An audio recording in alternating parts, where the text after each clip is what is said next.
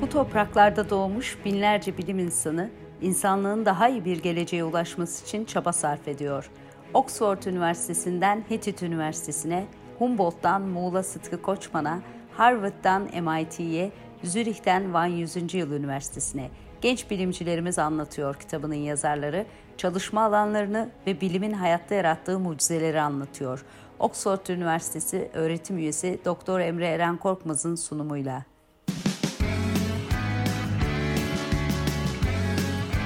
Oku, dinle, izle. Kısa Dalga. Merhabalar. Ee, bugün de Kısa Dalga e, bilim söyleşilerinde Gözde ile beraberiz. Bizim e, yeni çıkan Genetikten Kuantuma Genç Bilimcilerimiz Anlatıyor kitabında Gözde de çok güzel bir makaleyle yer aldı. Hoş geldin. Merhabalar. Merhabalar Eren, hoş buldum. Nasılsın? İyiyim, teşekkürler. Umarım sen de iyisindir Zürih'te. Ben de iyiyim, ben de iyiyim. Evet, Zürih'teyim. Yani e, olabildiğince iyi olmaya çalışıyorum. Yani sen Şimdi kitabımız da çıkacak heyecan var. yeriymiş gibi geliyor. Ee, büyük ihtimalle rahattır yani. rahat rahat yani. Evet güzel. Doğası falan da güzel. Pandemide o açıdan güzel oldu. iyi oldu yani. Evet. Bu herkes dağcılık yapmıştır şimdi pandemide. Yani burada ailecek falan gidiyorlar doğa yürüyüşüne. O çok etkileyici gerçekten. Hani büyük dededen büyük anneden en küçük torununa kadar. Bu kısımları güzeldi. Ben ben çok yapamadım. İşte sağlık sağlık problemlerinden dolayı. Ama e, güzel Zürich'i sevdim. Şey sevdim. Bir buçuk yıldır buradayım. Harika. Tabii ondan önce senin bir de Myanmar var değil mi? Çok e, ilginç evet. deneyimler var aslında. Onlara da biraz bahsedebiliriz sonlarına doğru. Bu hani uluslararası çalışma, interdisipliner çalışma e, çok da benim de kişisel anlamda ilgi dahilinde. Ama öncelikle istersen sen bir kendini kısaca bir tanıt. E, ardından tamam. makaleni e, ve araştırma konularını e, sohbet ederiz. Ben çok konuya uzak biri olarak böyle en saçma soruları sorabilirim. Baştan ha, yok olur. yok estağfurullah. Tamam o zaman e, şey nerede okuduğumla falan başlayayım. Çalışma alanlarıma gelirim ondan sonra. E, ben lisansı İstanbul Teknik Üniversitesi Moleküler Biyoloji ve Genetik bölümünde bitirdim. Ee, daha sonra yüksek lisans için de Orta Doğu Teknik Üniversitesi Biyolojik Bilimler bölümündeydim. Ee, oradaki çalışmalarım Türkiye'deki boz ayıların filogeni ve filocoğrafyası üzerineydi. Daha sonra doktora çalışmalarım için Singapur'a yerleştim. Ee, Singapur'a taşındım. Orada da Singapur Ulusal Üniversitesi'ndeydim. Ee, çalışma alanımda Güneydoğu Asya'ya has nesli kritik tehlike altındaki tatlı su kaplumbağalarının genetik korunması üzerineydi. Doktora çalışmalarımdan sonra da İsviçre'ye geldim. Burada da doktora sonrası araştırmalarımı yapıyorum. Ee, şu anda e, Aldabra devtos ballarının popülasyon genetiği koruma genomu üzerine çalışıyorum. Kısaca böyle. Ee, çalışma alanlarım, yani aslında ben moleküler biyoloğum ama doğa korumayla uğraşıyorum. Böyle dediğim zaman genelde bir karmaşa oluyor yani hani nasıl nasıl bu ikisi bir araya geliyor. E, bu ikisinin nasıl bir araya geldiğini de zaten kitabın o makalesinde anlatmaya çalıştım. Evet. O yüzden o makaleyi Türkçe yazmak istedim. Çünkü şey gibi oluyor yani moleküler biyologsun doğa koru. Yani ne nesli kritik tehlike altındaki hayvanları klonluyor musun? Hani nasıl sayılarını öyle mi artırıyorsun? Genelde insanların aklına klonlama geliyor. Evet, ben de sana Ama... sormuştum makale okurken yani dinozorları klonlayıp başımıza bela yapmasan. yani o konsept hakikaten ilgi çekiyor gerçekten. Bu arada klonlama da yapılıyor bu arada. Yani şey genetik koruma çalışmaları için ama bu çok uç bir örnek. Yine makalede örnek vermeye çalıştım bu kısımlara da. Benim yaptığım şey ise e, sayıları azalan ya da e, nesli kritik tehlike altında olan yani bir şeyler yapmazsak neslin tükeneceğini bildiğimiz hayvanların önce bir genetik çeşitliliği, bir varyasyonu bir anlayalım. Ne var elimizde? Daha sonra da bu varyasyonu nasıl yönetelim ki elimizde kalan bireyler, popülasyonlar en iyi şekilde e, değişen çevre koşullarına adapte olsunlar teorik olarak. Bu şekilde açıklayabilirim. Bunu nasıl yapacağız? Hangi yöntemleri kullanacağız? Genomlarına mı bakacağız? Genomlarının ne kadar kısmına bakacağız? Nerelere bakacağız? Ne kadar para harcayacağız? Ne kadar az para harcayabiliriz ve en çok e, bilgiyi alabiliriz gibi konularda da çalışmalara devam ediyorum ki bu gelişen teknolojiyi en efektif şekilde e, bu doğa koruma problemlerine entegre edebilelim. Çünkü hepimiz artık biliyoruz aşıların geliştirilmesiyle beraber bir sürü insan moleküler biyoloji tekniklerine artık aşikar oldu. Mesela PCR nedir biliniyor, gen aktarma biliniyor. Hani e, çok garip kaçmayacak şimdi şey dediğim zaman mesela işte dizileme dediğim zaman genom sekanslama dediğim zaman çünkü virüslere de bu yapılıyor. Ee, bu sekanslama teknolojisi çok çok ilerledi. İnsan genomunun sekanslanmasıyla beraber büyük bir ivmeyle artık çok hızlı bir şekilde e, hayvanların, canlıların genomlarını, büyük genomlara sahip olan canlıların bile genomlarını sekanslayabiliyoruz, dizileyebiliyoruz. Fakat bu hala daha her hadi ben bu e, nesli kritik teki altındaki hayvanların her bireyinin genomunu sekanslayayım hemen gibi olabilecek bir şey değil. Hala daha pahalı ve çok iş isteyen bir şey, altyapı gerektiren bir şey. Buna gel- gelmeden, hepsinin genomunu sekanslamadan, genomlarının sadece belirli bir bölümünü sekanslayarak ben ne kadar bilgi elde edebilirim? Bu bilgiyle de doğa koruma projelerine nasıl katkıda bulunabilirim? Gibi konular üzerine çalışıyorum. Ee, sizden e, bu kitabı kitaba dair bu plan geldiği zaman, e-maili geldiği zaman çok heyecanlanmıştım. Çünkü ben Türkiye'de bazı e, bilim iletişim platformlarında gönüllü olarak çalışıyorum zaten. Bazen yazı gönderiyordum, bazen kendim gönüllüyüm zaten. E, sosyal medya koordinatörünün, yazı koordinatörlüğünde çalışıyorum. Ama hiçbir zaman hiç daha Türkçe bir kitap bölümüm olmamıştı. O yüzden çok heyecanlandım. Hem de kendi yaptığım işleri bu şekilde anlatmak ve birçok insana ulaşma fırsatı yakalamak o açıdan çok heyecan vericiydi. Evet. Ee, şeyden ama şeyden bahsediyorsun, epistemden bahsediyorsun değil mi? Evet, evet epistemden bahsediyorum. Biri epistem, bir de e, Ekoloji ve Evrimsel Biyoloji Derneği'nin de üyesiyim. Hı hı. Orada da bir şeyler yapmaya çalışıyoruz arkadaşlarla. Ama daha çok epistemde yazılar yazıp evet. e, insanlarla paylaşıyoruz, evet.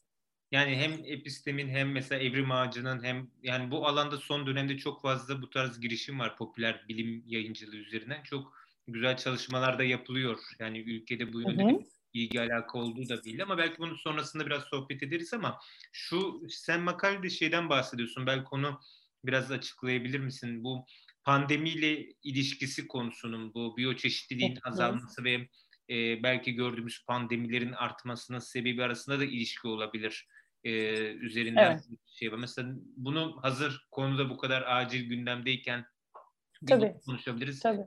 Sonra da biraz bu iklim değişikliği ve çevre politikalar üzerinde konuşabiliriz biraz. Hı hı, hı, hı, tabii. Ee, yatsıyamayacağımız bir gerçek var. Ee, yatsıyamayacağımız gerçeklerin başında da biyolojik çeşitliliğin çok hızlı bir şekilde azaldığı var. Ve biz bu biyolojik çeşitliliği azaltan faktörleri biliyoruz. Hepsi insan temelli faktörler. Ve e, bu faktörlerin boyutuna dair de fikrimiz var. Hiç önlem alınmazsa iş nerelere kadar varabilir? Çeşitli öngörüler var. Ve bunlar korkutucu senaryolar. Kabul. Yani bu, bunları yatsıyamayız artık. Artık herkes farkında yani. E, ormanların sessizleştiğinin, bazı hayvanların yok olduğunu, denizlerin eski denizler olmadığını, iklimlerin eski iklimler olmadığını. Yani illa çok soyut bir kavram değil artık bu biyolojik çeşitlilik ve e, küresel iklim değişikliği değil mi? Şimdi biyolojik çeşitliliği bu kadar e, tehdit eden faktörlerin arasında da yaşam yani hatta en etkililerinden bir tanesi değil en etkilisi sıralayacak olursak e, doğal yaşam alanların tahribata uğraması. Biz yok, yok ediyoruz. Denizel alanları, sulak alanları, e, ormanları, karasal alanları her yere bir etkimiz var. Değiştiriyoruz, tahrip ediyoruz. Ve biz bir yaşam alanını tahrip ettiğimiz zaman oradaki hayvanlar ne oluyor sizce? Yani tamam ölüyor bazıları ama yer değiştiriyorlar değil mi? Hı hı. Ve bu yer değiştirmeler sonucunda bazı bilim insanları diyor ki biz yaşam alanlarını tahrip ettikçe bazı hayvanlar insanlara yaklaşıyor. Çünkü yaşayacak yerleri çok azaldı ve besin sıkıntısı var. Aslında biz Pardon? onlara yaklaşıyoruz. Biz onlara yaklaşıyoruz. yani evet. Şey, mesele bu. Bir yaklaşma, bir kontak söz konusu oluyor. Normalde yani şehirler bu kadar genişlemese ya da işte biz bu kadar tahrip etmesek öyle bir kontak olmayacak. Ama bu o kadar hızlı bir şekilde oluşuyor ki böyle kontaklar var. Ve son zamanlarda bir diğer yatsıyamayacağımız gerçekte bu e, küresel pandemilerin sıklaştı. Ee, ve neden bu pandemiler sıklaştı sorusunun bir cevabı da zaten hayvan insan dışı hayvanlardan insanlara bulaşan hastalıklar bu kadar büyük ölçekte yayılıyor. Yani yaban hayvanları ile insanların bu şekilde kontak kontağının artması bu riski artırıyor. Ben de makalede şeyi işlemeye çalıştım. biyolojik çeşitliliği etkileyen, biyolojik çeşitliliği azaltan faktörler aynı zamanda pandeminin sıklaşmasına da sebep olabilir. Sebep faktörlerden olabilir. Yani bunların ikisi yan yana gidiyor olabilir. Doğrudan biyolojik çeşitliliği azalttığımız için pandemiler çıkıyor demek için elimizde şu anda yeterince veri yok. Ama bu faktörler pandemileri de sıklaştıran faktörlerle aynı. Dolayısıyla aynı anda aynı e, hep beraber kafa yormamız gerekiyor. Bunları nasıl önüne geçeceğiz? E, daha başka şeyler de var tabii ki. Yani bu e, boşalan nişlere, boşalan alanlara başka hayvanlar geliyor, orayı dolduruyor. Ve orayı dolduran hayvanlar genelde bize hastalık bulaştırma riski yüksek olan hayvanlar oluyor. Yani daha detaylandırabiliriz. Ama temel anlamda biyolojik çeşitliliği azaltan faktörler pandemileri de tetikliyor olabilir. Evet. Ya son dönemde en yakın herhalde e, Amazonlarda büyük bir e, şey oldu. Hı hı. Amazon ormanları için bir kıyım oldu. Onu ama hı hı. dünyanın her tarafında bu tarz şeyleri görüyoruz ama sanırım herhalde Amazon'daki en büyük çaplı, böyle en hızlı e, orman evet. yok etme yönlü çalışmaydı Brezilya'da. Maalesef, maalesef. Güneydoğu, Güneydoğu Asya'da da öyle. Ee, e, palm, e, palmiye dikimleri için toplu kesimler oluyordu. Uzay görüntüleriyle gösteriyorlardı ay ay yıl yıl. Evet, Ama Amazon tabii çok büyük olduğu için son 20 yıllık etkiyi o kadar o kadar nasıl desem etkili bir şekilde görebiliyorsunuz ki. Evet, bizim bir çalışmamız yani bir proje önerimiz vardı. O şimdi değerlendiriliyor ama e, şayet başarılı olursa e, göç ile iklim değişikliği arasındaki ilişkiyi incelemeyi düşünüyoruz. E, örneğin son pandemiyle beraber özellikle mesela Orta Asya'dan veya Ermenistan gibi ülkelerden e, ya da bazı Afrika ülkelerinden göçler azaldı. İnsanlar gidemedi. Her sene göç eden e, binlerce insan işte lockdownlar nedeniyle gidemedi. E, doğalında köylerinde kaldılar. Ama zaten o, insanların göç etme sebebi ekonomik anlamda zayıf olmaları. E, bu kez ne yaptılar? E, tarım ve ormancılık e, üzerinden yoğunlaştılar. Sonuçta hayatta kalabilmek için. E, özellikle evet. bu pandemi zamanında göçün durmasıyla iklim değişikliği nasıl etkilendi? su havzaları nasıl etkilendi, ormanlar hı hı. nasıl etkilendi üzerinden hem işte uydu görüntülerine bakarak hem de farklı teknikleri inceleyerek biz de işin göç kısmını biraz niteliksel anlamda inceleyip yani o hayatta kalma stratejisi ve bundan sonra böyle ilginç interdisipliner bir çalışma üzerine duruyoruz ama gerçekten e, insanlığın yap birçok sosyal etkileşiminin e, böyle bir sonucu var. E, peki tabii, bu noktalarda tabii. iklim değişikliği veya çevre politikaları konusunda yani atılan adımlar var. Şimdi yeni ABD yönetiminin yeniden bu konuyu öne çıkarması var ve ben bunlar yeterli mi ya da ya da mesela işte kişisel önlemler ne kadar önemli? Yani nasıl bir politika, nasıl bir şey belirlemek gerekiyor? Yani çok genel bir soru ama belki şey anlamında evet. biraz paketleyip. An, anladım. Yo güzel. Yani zaten konuşalım, tartışalım. Herkes fikrini söylesin. Tek bir doğru tabii ki yok. Genelde insanlar işte kaplumbağaları korumak için ben kaplumbağalar üzerine çalışıyorum Kaplumbağaları korumak için ne yapmalıyız dediği zaman tek bir cevabım hiç yok. Çünkü öyle kolay değil. Hadi hepsini ne bileyim bir yere koyalım, üresinler, sayıları artsın. Oldu mu yani? Ee, şöyle biyolojik en azından biyolojik çeşitlik çerçevesinden bakacak olursak daha tanımı zaten çok komplike. Biyolojik çeşitlilik çok katmanlı bir şeyden bahsediyoruz. Sadece türlerin çeşitliliği değil. Dolayısıyla onu koruma çalışmaları da aynı kompleks, aynı karmaşıklıkta olmalı. Birçok e, bakış açısı bir araya gelip konuşmalı. O anlamda ben değerli buluyorum bu tartışmaları. E, o kadar geç kalındı ki, o kadar geç gibi adımlar. Yani e, öyle bir noktadayız ki bence aman neyse bir şey yapıyorlar ya yine iyi. Hani çünkü o kadar uzun süre herhangi bir aksiyon alınmadı ki. Ya da alınan aksiyonlar o kadar kozmetikti ki. Şimdi birileri çıkıp işte karbon emisyonlarında şöyle hedefimiz var dediği zaman en azından diyorsun diyorsunuz ki bir şey beyan etti. Elimizde bir bakın siz bunu yapmıyorsunuz. Böyle giderse bu olmayacak. Ya da bakın sözünüzde durmadınız şimdi daha ee, nasıl desem realistik, daha gerçekçi hedefler koyun. Ama diğer taraftan da yorulduk. Yani bir hedef koyup böyle bir, bir şeyler yap nasıl desem. İki türlü de. En azından bu iş konuşuluyor diye sevinirken diğer taraftan da işte göstermelik hedefler koyuluyor, göstermelik imzalar atılıyor ama kimsenin de bir şey yaptığı yok. Bu sıkıntı. Bunun altını nasıl dolduracağız? Bilimsel gerçeklerle e, ve çok disiplinli çalışarak. Şöyle ki e, iklim adaletsizliği gibi bir sorunumuz var bizim. Yani e, bu e, karbon emisyonları, karbon salınımları yüzünden değişen e, iklim her yerdeki insanları aynı şekilde etkilemiyor. ve bu karbon emisyonlarına katkı sağlayan ülkeler şu an için bu değişimlerden en fazla etkilenen ülkeler değil. Yani bu olayın müsebbibiyle sonuçlarını çekenler aynı insanlar değiller. Ve aynı zamanda da aksiyon almayan, bir şey yapmayan ülkeler de yine etkilenmeyen tarafta. Yani büyük bir adaletsizlik var.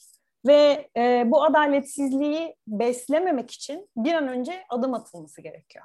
Ya da şimdi şey hedefleri duyarsın, e, duymuşsunuzdur Amerika'nın 30'a 30 işte karasal alanların ya da okyanusların %30'unu e, koruma e, tahribata uğramamasını sağlama gibi hedefler var. Bir kısım diyor ki çok güzel en azından bir hedef verilen daha önce hiç böyle bir hedef verilenmemişti. Bir kısım da diyor ki yüzde otuz nedir? Kim buna karar verdi? Nerenin yüzde otuzu? Hani bu şekilde e, hareket edemeyiz. İşte her yer için bu e, uygun bir sayı değil ya da uygun bir oran değil. Bu şekilde e, çok genel bir yaklaşım aslında zarar veriyor gibi diyen düşünce grupları da var. Evet biz ben, mesela tartışıyoruz sözünü kesmiş olun da mesela bu iklim, ederim. iklim mültecileri kavramı mesela son dönemde yaygınlaştı göç çalışmalarında da e, işte mesela Pasifik adalarından veya işte işte kuraklıktan onun yarattığı işte doğa işte iklim değişikliğinden kaynaklı yoksullaşan insanların göç etmek zorunda kalması, onun yarattığı yeni sorunlar ve benzeri. Ee, özellikle belirli Pasifik adalarında ciddi anlamda yani ölüm kalım durumuna gelmiş durumda. Öyle, öyle. Bunlar öyle. ülkeleri yani. sular altında kalıyor yani. Evet. Çok evet. Um, şey anlamında, tüketme anlamında bireysel e, önlemlerden bahsettin. Şimdi şey aslında beni sinirlendiriyor. Yani size birisi diyor ki duşunuzu şu kadar dakika tutun, su harcamayın. Ama diğer taraftan biliyorsunuz ki ülkenizin yeraltı suları bazı ülke bazı firmalara peşkeş çekilmiş. Yani hiç kimse denetlemiyor. Yani siz bir yandan dikkat etmeniz gerekiyor. Evinizde kendi bireysel hijyeninizde bile dikkat etmeniz gerekirken diğer taraftan hiç kimse denetlenmeden elini kolunu sallaya sallaya bu kaynakları tüketiyor. Burada bir ikiyüzlülük var doğru. Ama diğer taraftan da bireyler değişmeden e, değişim talebi de olmuyor. Yani bir değişim talebi yaratmamız gerekiyor bizim zaten. Ya da bir farkındalık artırma, farkındalığımızın artması, bizimkinin artması ve başkalarının da artması çok önemli. Çünkü biz talep edeceğiz. Sokaktan o talep gelecek ki o politikalar değişsin.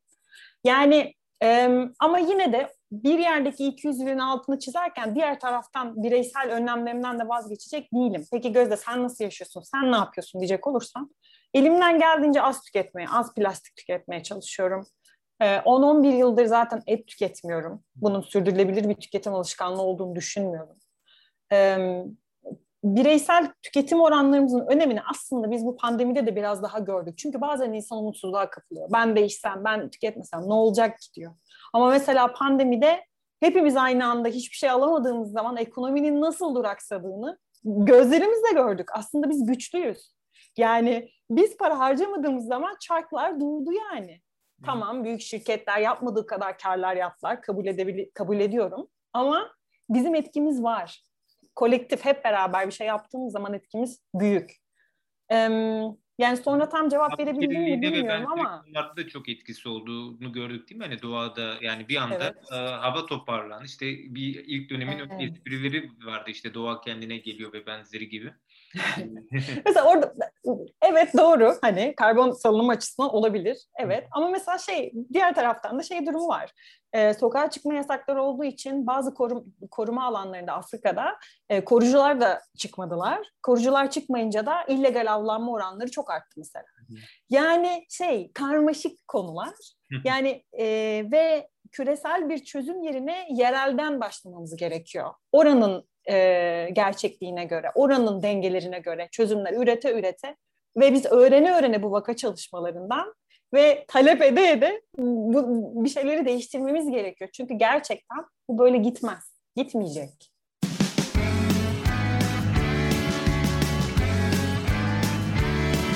Kulağınız bizde olsun. Kısa Dalga Podcast.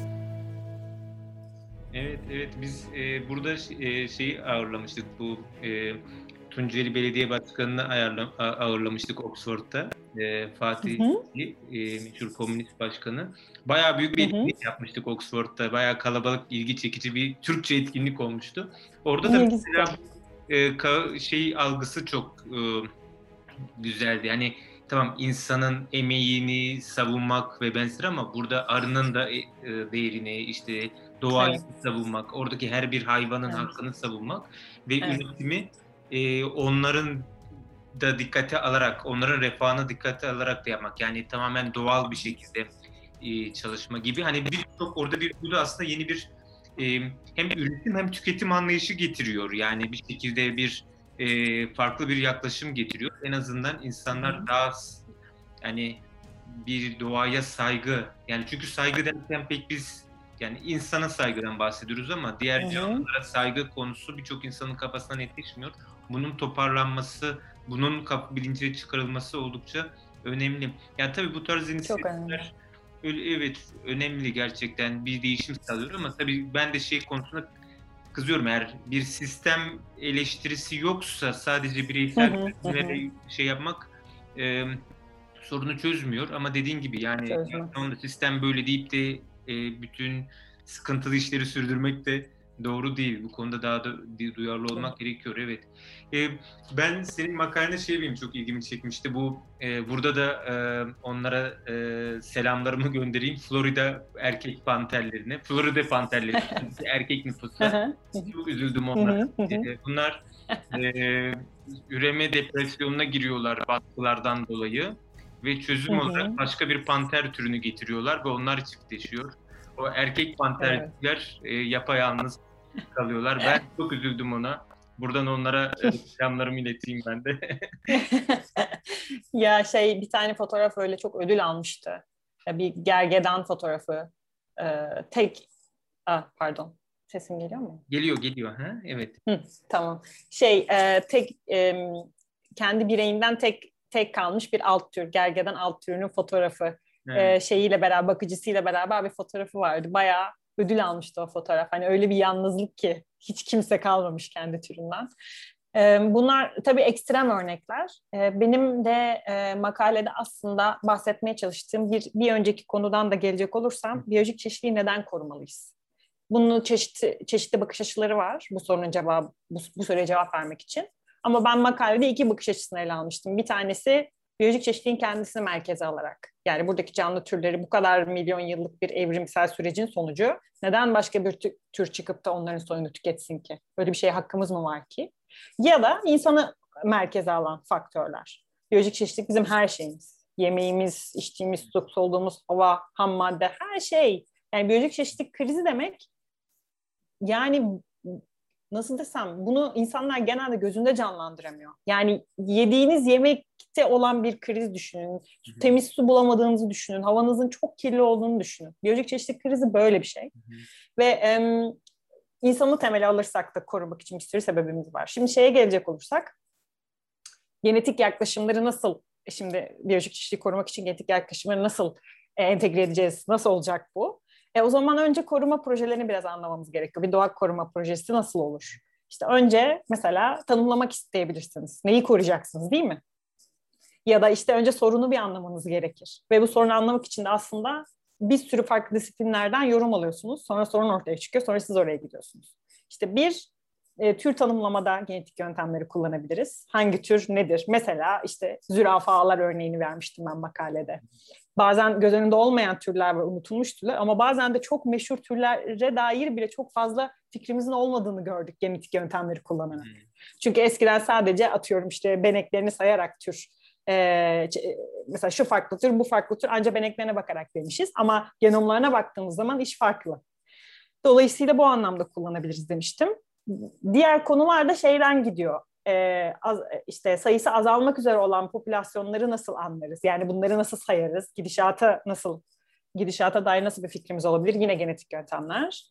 Ve daha sonra nesli artık tehlike altına girmiş olanlarda ne yapacağız? İşte Florida panterleri biraz ona örnekti. Hı hı.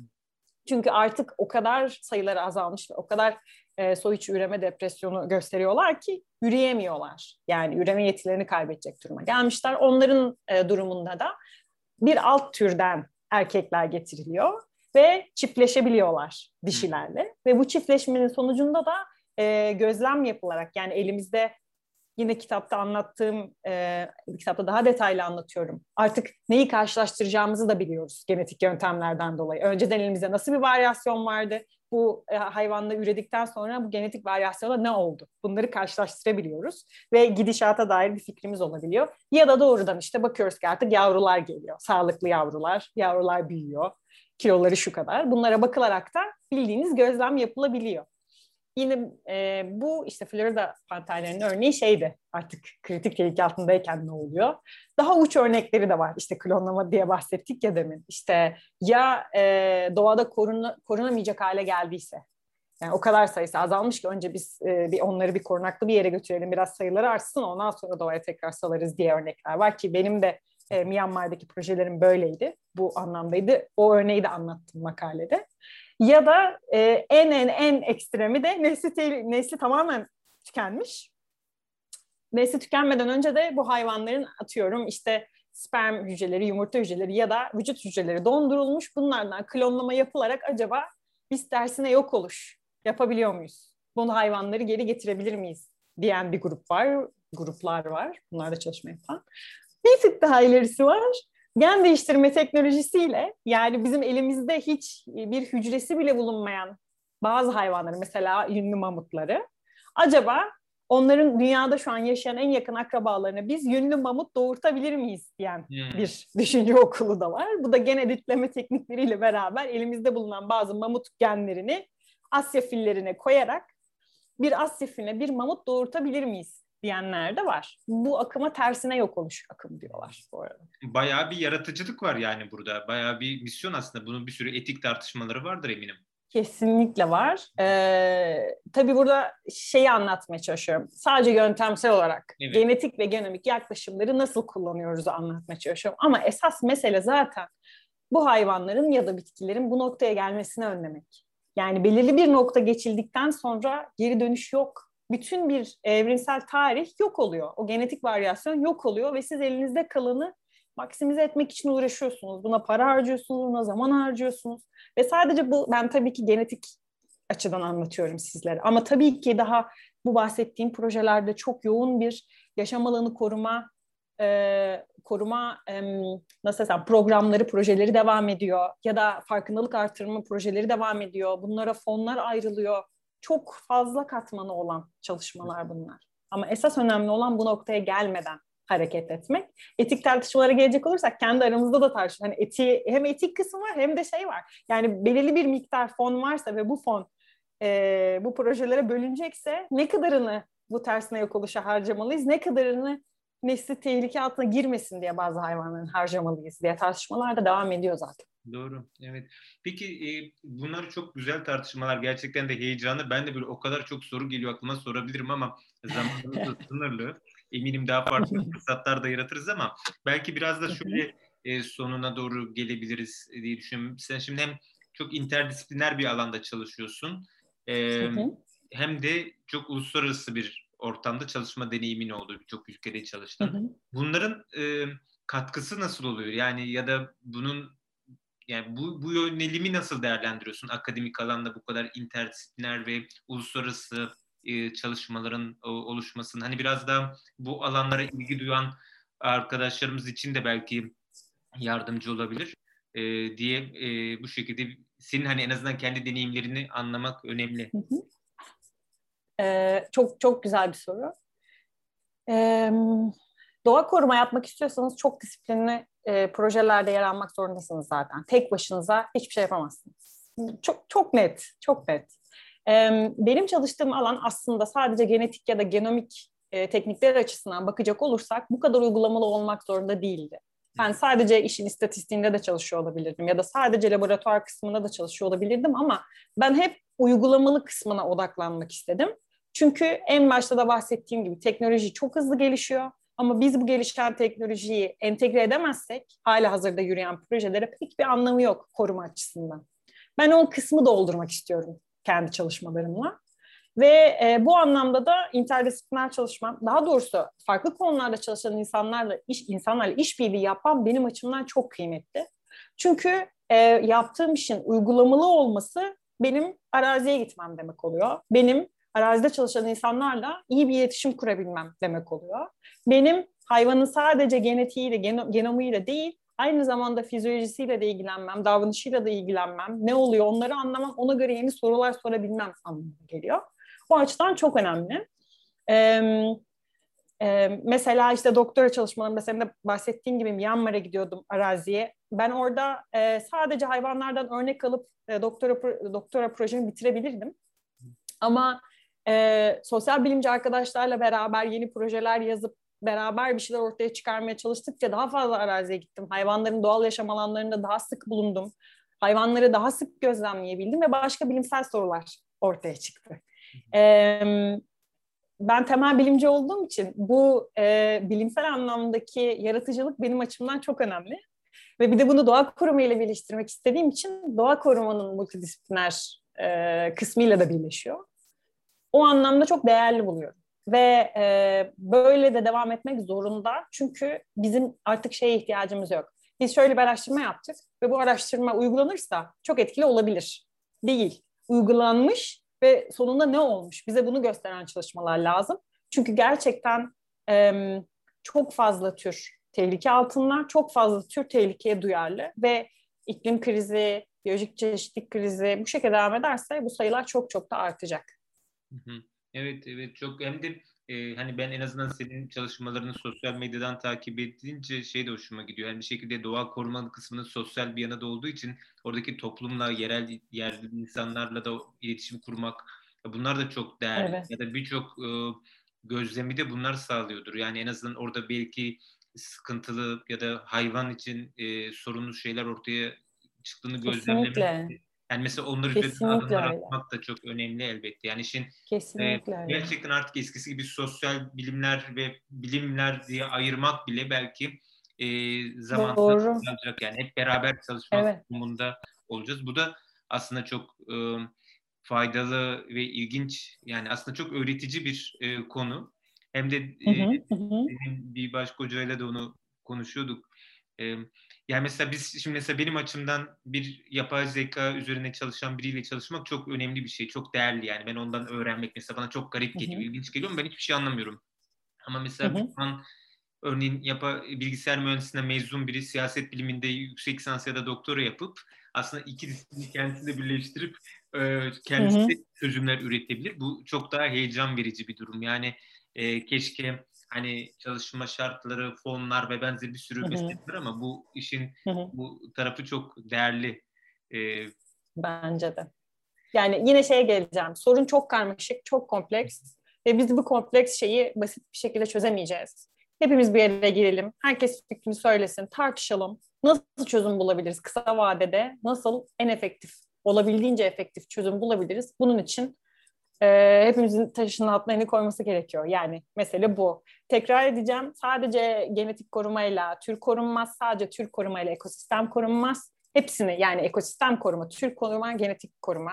Dolayısıyla doğal yaşam alanlarını koruma çok önemli biyolojik çeşitliliğin korunmasında. Evet ben onu yani makalede onu çok net gördüm. Yani bir grup hayvanı kontrol altına alıp onun sayısını arttırmak bile yeterli değil yani. Mesela biz bazen ya işte şu işte diyelim ki pandalar işte şu kadar az ne güzel çok mutlu et. Tabii ki güzel şey ama ama güzel, evet. kaybettiğimiz şeyler de var diyelim ki belki kaybettiğimiz bir sürü şey var. Demek ki sadece e, korumak bu şekilde yetmiyor.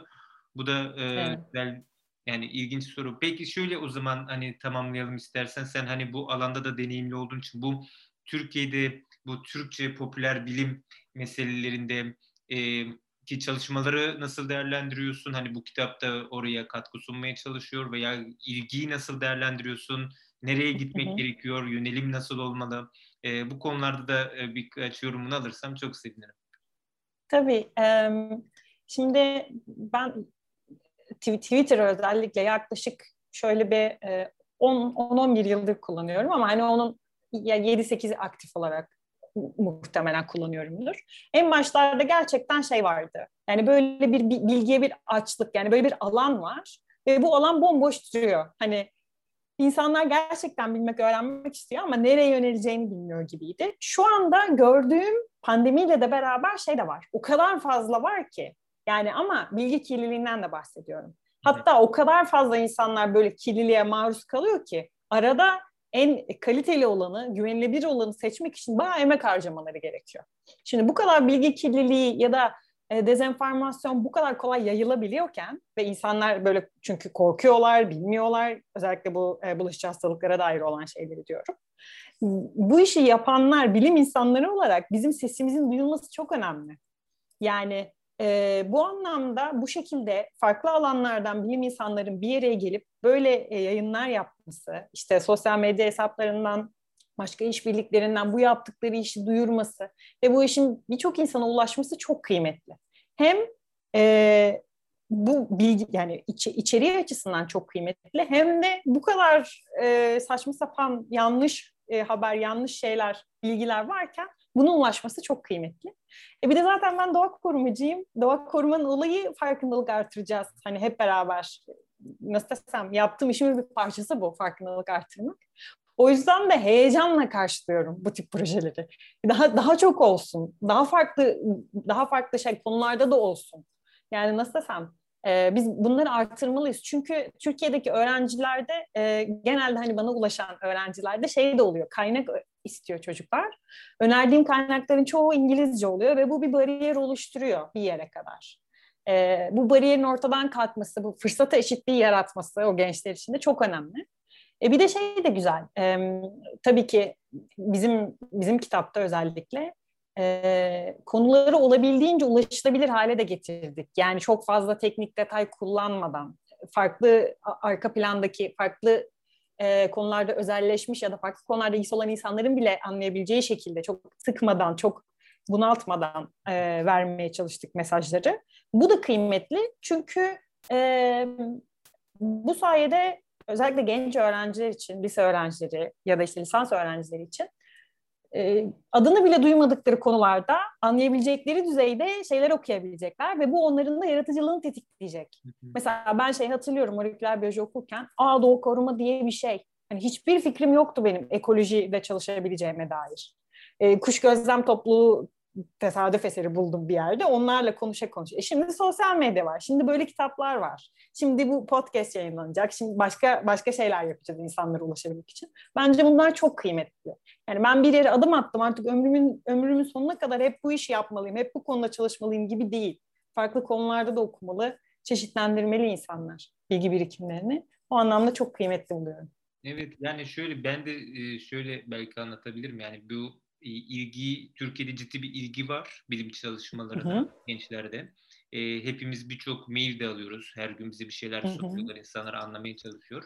Tabii şimdi bir yanında Türkçe üretim veya herkesin an, kamunun anlayabileceği dille anlatma meselesi de var. Ama diğer yandan da şöyle bir şey gözlem de bende oluşmuştu. Yani birçok sanatım daha çok e, kişisel e, e, tarihe dönüşüyor. Yani nerede okudu, nerede bitirdi. Yani ha, evet. Bu, bu yeterli değil. Tamam ben buralarda okumuşum, evet. burada çalışıyorum. Ama ne yapıyoruz? Yani bu araştırmayı anlatmak çok önemli. Biz onu aslında kendi içimizde de yaşıyoruz. Yani mesela biz e, Oxford Üniversitesi'ndeki Türkiye'den gelen akademisyenler olarak böyle bir toplantı düzenlemiştik. Şunu şu fikirle o toplantıyı düzenlemiştik. Demiştik ki biz hepimiz birbirimizi tanıyoruz, buluşuyoruz, sohbet ediyoruz, bir sürü şey yapıyoruz. Ama departman dışında ne yapıyoruz bilmiyoruz yani. Kişi karşımızdaki ne yapıyor yani. E, dedik ki herkes 5 dakikada sunumunu anlatsın. Tabii bu çok zor bir şey. Kimse 5 dakikada anlatamaz sunumunu ama bir akademisyen en azından denedik ve, ve şunu fark ettik. Yani bizim o kadar sohbet ettiğimiz işte ne bileyim çocukların buluştuğu bir sürü şey yaptığımız insanlar ne biçim çalışmalar yapıyorlarmış. Bilmiyorduk yani ben biliyorum ki bilgisayar mühendislerinde ya da işte genetikte veya işte sosyolojide ama araştırma konusunu anlatınca oradan çok güzel fikirler ortaya çıkmaya başladı. Birbirimizi daha net anlamaya başladık. Ve ardından yani neden yani sadece kişileri tanımak e, yeterli değil. Yani bu araştırmayı da anlamak önemli. Neler yaptığını anlam anlatmak da önemli. Biraz bu çalışmalar e, hem birçok site, internet sitesi hem de bu birçok kitap çalışması ve bizim bu çalışmamızda e, biraz buna hizmet etmeli. Yani tamam insanlar hı hı. bizim orada illaki biyografi öğrenebilir. Bunlar da önemli olabilir özellikle akademik çalışma yapmak isteyenler için. Hani e, belirli üniversiteleri tanımak açısından. Ama yani onun dışında da e, ya bu araştırma gerçekten yani mesela doktora da hangi konuyu araştırmam lazım? mesela. Ya bu çok muazzam fikir veriyor senin e, mesela makale. Evet. Yani e, katılıyorum evet evet. E, şey insanlar şeyi duymak istiyor bazen. Aa o okullarda okumuş demek ki ben de okullarda okusam ben de yapabilirim. Evet bu önemli bir şey genç öğrenciler için hani örnek oluşturması açısından. Önemli ama her şey değil. Yani e, soru sormak, neden sonuç ilişkisini kurmak, o neden sonuç ilişkisiyle hangi problemlere ışık tutmaya çalışmak, insanlar nerelerden bakıyorlar ya da işte e, sadece mesela nasıl desem e, yine kendi örnek vereceğim. Moleküler biyoloji ve genetiğe girdiğim zaman ben sadece kanser çalışılıyor diye düşünüyordum ya da klonlama yapılıyor. Yani lise öğrencisiyim hani ilgi duyuyorum ama o kadar. Daha sonra o ufkun genişlemesi denen olay hani doğa koruma çalışmaya gelmek daha sonra işte sosyal bilimci e, arkadaşlarla işbirliği yapabileceğim fikri bunlar nasıl desem çok çok önemli adımlardı ve bu adımları e, bu adımların atılabileceğini diğer genç arkadaşlara göstermek çok önemli. E, ve bizim kitapta da yani ondan fazla makale var. 16 makalemiz var. Evet 17 makale var. Evet. 17 tane makale var. Hepsi birbirinden ilginç konular. Hepsi yani o konuları, o yazıları yazan insanların geçmişleri, orada verdikleri notlar o anlamda çok kıymetli. Hani böyle şey gibi konsantre hani seçilmiş bir araya getirilmiş. Yani ben kıymetli buluyorum. Çok da mutluyum bu projede olmaktan. Tekrar teşekkür ediyorum hem emeklerinize hem davetinize. Ee, ve heyecanla da bekliyorum aslında yorumları. Ne evet, yorumlar gelecek. Ben de çok teşekkür ediyorum. Evet, evet aynı heyecanı paylaştığımıza eminim. Ee, tam çok teşekkür ediyorum. İşte normalde 15-20 dakikalık bir konuşma yapalım dedik ama neredeyse bir saat oldu. Ee, ama çok e, öğretici, keyifli bir sohbet oldu ama bundan sonra da bu tarz e, sohbetleri, görüşmeleri eminim yapmaya devam edeceğiz. Ee, ben çok teşekkür ediyorum e, katıldığınız için. Ben de. Ben de çok teşekkür ederim davet için. Çok keyifli bir sohbetti. Onun için de teşekkürler. Tekrar görüşmek üzere diyelim. Çok teşekkürler.